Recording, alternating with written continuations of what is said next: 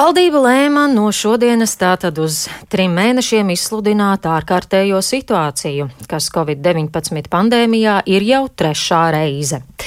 Vienlaikus ir noteikti dažādi ierobežojumi ar mērķi palielināt Covid-19 vakcinācijas aptveri. Līdz ar to ir noteikti arī ierobežojumi tirzniecībā, pakalpojumos, ēdināšanā, kā arī kultūras jomā. Ārkārtējā situācija un ierobežojumi, protams, ietekmē uzņēmējus un ekonomiku kopumā. Vienlaikus šobrīd pieredzam arī enerģētikas krīzi, kad strauji aug cenas elektrībai un dabasgāzei. Par šiem tematiem šorīt sarunāšos ar ekonomikas ministru Jāni Vitenbergu. Esam sazvanījušies. Labrīt! Labrīt! Iepriekš no politiķiem eh, dzirdējām, ka mūsu ekonomika pat laban eh, ļoti labi attīstās, tomēr Covid dara savu, mums atkal ir ārkārtas situācija un ierobežojumi. Kādu ietekmi tas viss atstās uz ekonomiku? Nu, situācija nav, nav vienkārša, un, un arī tās pēdējās eh, nedēļas valdības lēmumi ir bijuši tādi, nu, lai meklētu kompromisus, kur uh, mūsu, mūsu uzņēmumu varētu turpināt darbu kaut ierobežot, ja, bet kopā ar kolēģiem nedēļas nogalē arī strādājam pie tā, lai pielāgotu esošās programmas esošai situācijai, jo varbūt atšķirībā no iepriekšējiem Covid iespējotiem lēmumiem šī situācija ir nedaudz savādāka, jo uzņēmumi ir dažādi, ja, jo ir tādas nozars, kas vispār nevar strādāt. Tā ir izklaide telpās, atrakciju parki un, un visu šīs bērnu rotaļas un, un, un citu uzņēmumu, ja, tad ir tādi, tādas nozares, kuras var turpināt darbu daļēji, strādājot ar vakcinētajiem cilvēkiem, ja, kas ir puse no mūsu sabiedrības šobrīd, ja, un tāpat vēl ir ieviesta virkne papildus prasības šīm nozarēm, ka tā varētu būt nu, tirzniecības centri, ēdināšanas, viss sektors, uh, un, un, un citu uzņēmumu. Ja, tā kā e, mums bija jau iepriekš jau izstrādāts programmas, kas tā kā sekmīgi spēja palīdzēt gan cilvēkiem saglabāt darba vietas, gan arī uzņēmējiem izdzīvot. Un, e, esošā situācija pirms šīs ārkārtas uh, izsludināšanas uh, parādīja, ka ir bijis veiksmīgi un, un, un šie uzņēmumi ir pārziemojuši un uh, bija gatavi uzsākt darbu, taču nu priekšā ir nu, trīs smagi mēneši. Es ceru, ka ilgāk, ja, jo būs, būs svarīgi saprast arī, vai pieaug šī vakcinācijas aptver, jo, kā norādīja arī speciālisti pagājušajā nedēļu valdības sēdēs, kad ja tā vakcinācija nepieaugs, tad eh, šī ierobežojuma var tikt arī eh, pagarināt un eh, tā situācija nebūs uzlabojusies. Un tā vien liekas, ka bez tās vakcinācijas šī situācija varētu ilgties vai mūžīgi. Ja, un, mēs esam analizējuši un redzam, ka varētu būt nepieciešams 60 miljoni mēnesī, lai uzturētu uh, uzņēmums uh, šajā, šajos apstākļos uh, šos 3-3 mēnešus, tad 60 miljoni katru mēnesi, lai, lai varētu nodrošināt šos pielāgotu apgrozāmo līdzekļu programmu, parūpēties par darbiniekiem nozarēs, kurus vispār nevar strādāt. Tātad tas būtu tādas kā kompensācijas tiem, kam būs šī piespiedu dīkstāve vai arī kāds plašāks atbalsts? Nu, mums iepriekš bija apgrozāmo līdzekļu programma, dīkstāvs programma un subsidētās darba vietas, ja, un tad redzam, ka tajās nozarēs, kuras šobrīd nevar strādāt vispār, ja, kuras, kuras, kuras ir slēgts ar eh, šo valdības lēmumu, tad ir eh, nepieciešams parūpēties šeit par pašiem uzņēmumiem, un te mēs redzam, ka, nu, varētu palīdzēt uzlabot tā šī apgrozāmo līdzekļu programma, un eh, šiem darbiniekiem arī būs nepieciešams atbalsts, jo trīs mēneši ir ilgs laika posms, un cilvēks bez iztiks eh, līdzekļiem noteikti šeit nevar, nevajadzētu atstāt. Ja, un, eh, un pārējās nozars, kur eh, nu, apgrozījums nu, kritīsies, es teiktu, uz pusi, ja, jo pusi cilvēku var saņemt šo, varēs saņemt šos pakalpojumus, piemēram, arī apmeklēt veikals apmeklēt kafēnīcas, taču ir arī vēl nu, virkne ierobežojumu, kas tāpat eh, kavē uzņēmumu darbību, tad arī līdzīga šī apgrozāmo līdzekļu programma, vienkārši viņu pielāgojot esošajai situācijai. 60 miljoni vai šāda nauda mums eh, atrastos un mēs to varēsim atļauties?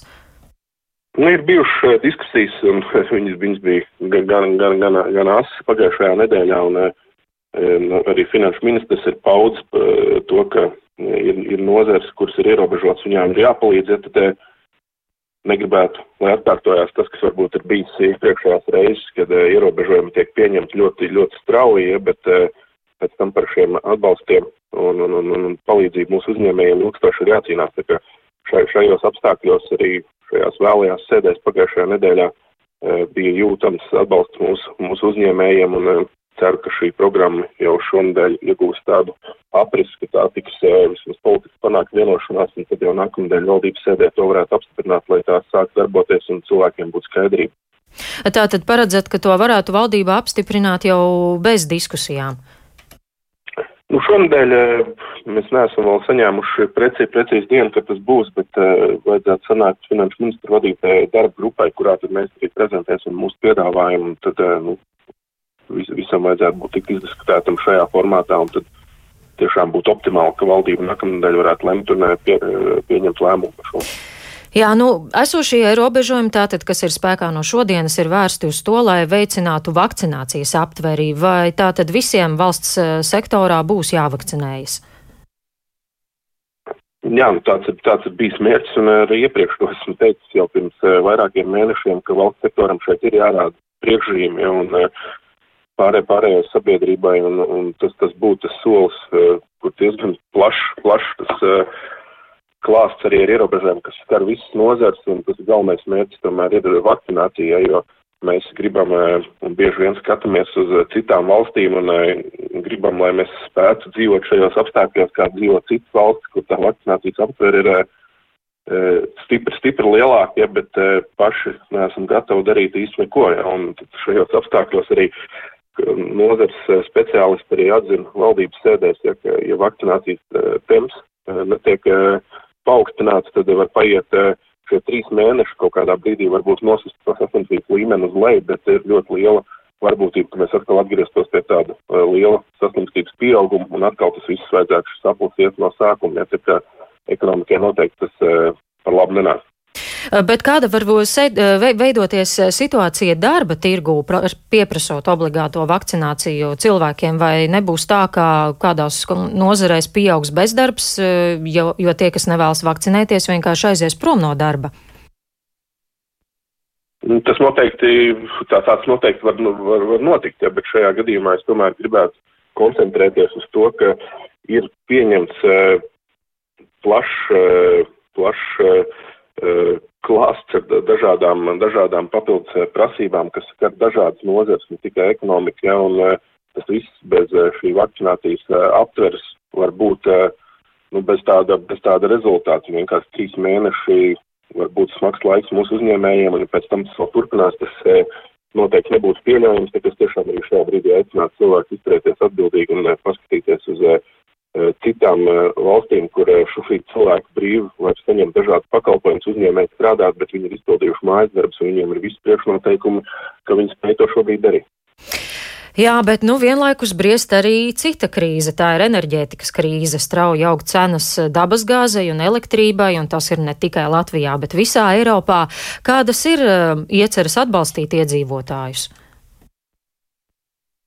Par krīzi varbūt šeit būtu jārunā tādā aspektā, ka tā nav tāda elektroenerģijas pārāvuma krīze klasiskā izpratnē, ja, kur uh, cilvēkiem vairs nav pieejami šie resursi, vienkārši tā cena ir tik strauji uzlikus uz augšu, ka šeit ir jārunā par uh, uh, sociālu raksturu krīzi, ja, lietot šis termiņš, termiņš enerģētiskā nabadzība, un uh, tiešām situācija ir, ir, ir smaga, un uh, tas, ko mēs esam piedāvājuši, un varbūt atšķirībā no citām Eiropas valstīm, mums jau ir bijuši izstrādāti mehānismi gan mūsu cilvēkiem, eh, mājasēmniecībām, gan arī uzņēmumiem. Ja, tad eh, jau, jau pagājušā nedēļā ar kolēģiem diskutējām par šo energo aizsargāto uh, programmas paplašināšanu, uh, padarīt to apjomīgāk, lai spētu cilvēkiem, kuriem ir vislielākās uh, problēmas, cilvēkie riski, nosekt šo cenu kāpumu. Tās ir mūsu daudzbērnu ģimenes, cilvēki ar invaliditāti, maznodrošinātie, kopumā 50 tūkstoši šādas saimniecības. Un, uh, Mums tas rīks ir izstrādāts, un viņš ir, es teiktu, vienkārši, ļoti vienkārši administrējams, un šeit būtu jāpieņem lēmums. Viņš jau bija, es domāju, jāpieņem pagājušo nedēļu, lai šiem cilvēkiem šo starpību cenu kāpumu spētu nosakt, ja, un šodien arī sanāksmē atkal par šo atgriezīsimies pie šī jautājuma. No ministrijas rosināsim tomēr atbalstīt, jo šeit nav nekādu šķēršļu šo lēmumu pieņemt, tā ir vienkārši politiska izšķiršanās. Un, uh, Otrs atbalsts, kas attiec uz mūsu uzņēmējiem, ir šis atbalsts energointensīvajiem lietotājiem, ja, kur, kurš jau arī strādā un uh, tieši tie mūsu uzņēmumi, kur patērē ražošanas procesā daudz elektroenerģijas un nodarbojas ar eksportu, lai viņi būtu konkrēti spējīgi, tad viņiem arī šāda programma ir. Tā kā no mūsu puses arī, protams, gaidam un cerībām skatāmies uz to, ko dara Eiropas komisija, un, un arī tur notiek tādas diezgan asas diskusijas, un jo valsts Eiropas Savienībā visas būtībā ar vienādām problēmām, ka visās valstīs ir šie cenu kāpumi, un ir, ir, ir, ir arī diskusijas par to, ko tad Eiropas Savienība varētu darīt vienot, lai palīdzētu savām valstīm, un tur izskan piedāvājums kopīgi samazināt un rosināt samazināt valstīm nodokļus, kas skar elektroenerģiju. Tātad, nu, šis būs tomēr vēl viens atbalsta pasākums gan iedzīvotājiem, gan arī uzņēmējiem. Cik tas var prasīt vēl līdzekļus no budžeta? Tad energointensīvajiem šobrīd tas atbalsts jau ir bijis piešķirts iepriekšējās budžeta sarunās, bet energoaizsargātajiem tie ir papildus 17 miljoni mūsu mājasēmniecībām kopsumā 50 tūkstoši, lai katru, katru mēnešu šo atlaidi palielināt pa 10 eiro. Un uzņēmējiem kāds atbalsts ir plānots? Uzņēmējiem ir šis energointensīvo atbalsts, kas ir ap 10 miljoni, kur ir lieliem elektroenerģijas patērētājiem par iepriekšējā gada patērēto summu piemērot atlaidi. Un kādi viedokļi par šādu atbalstu ir valdībā, vai konceptuāli atbalsts tam ir un kad to varētu pieņemt? Par energo aizsargātajiem, par šīm eh, mūsu maisaimniecībām, kas ir lielākajā riska zonā, tad uh, bija viedoklis par to, ka labklājības ministrija, tā ministrija, kas atbild par dažādiem sociālajiem atbalstiem mūsu sabiedrībai, un ka uh, nu, vajadzētu nākt ar tādu redzējumu no viņa puses, jo, viņi redz tās grupas, kuras ir nonākušas problēmās vislielākajās, un tad ar, ar viņiem arī diskusijā radies šis priekšlikums par atbalstu pensionāriem, un labklājības ministrija šodien arī nāks ar šo, ar šo priekšlikumu, un eh, es domāju, ka tas būtu labs, labs atbalsts arī tieši mūsu senioriem, kur 20 eh, eiro eh, no, no katra mēneša maksājuma tiktu, tiktu piemērot šī atlaide, jo arī viņiem ir diezgan liels grūtības šobrīd, un tad tomēr mēs arī aicinam kolēģis, ka ir gatavs risinājums, un to varētu pieņemt nekavējoties, un tas būtu nu, jāskat, jāskat kopā, un tas būtu arī tāds tiešām ātrs mērķēts atbalsts tām grupām, kurām ir nepieciešams. Tiešām aicināšu nu, kolēģis arī šodien pie tā atgriezties. Tad, eh, tad arī gaidīsim kādus konkrētākus lēmumus, bet tik tālu paldies jums saku, sazvanījos ar ekonomikas ministru Jāni Vītenbergu.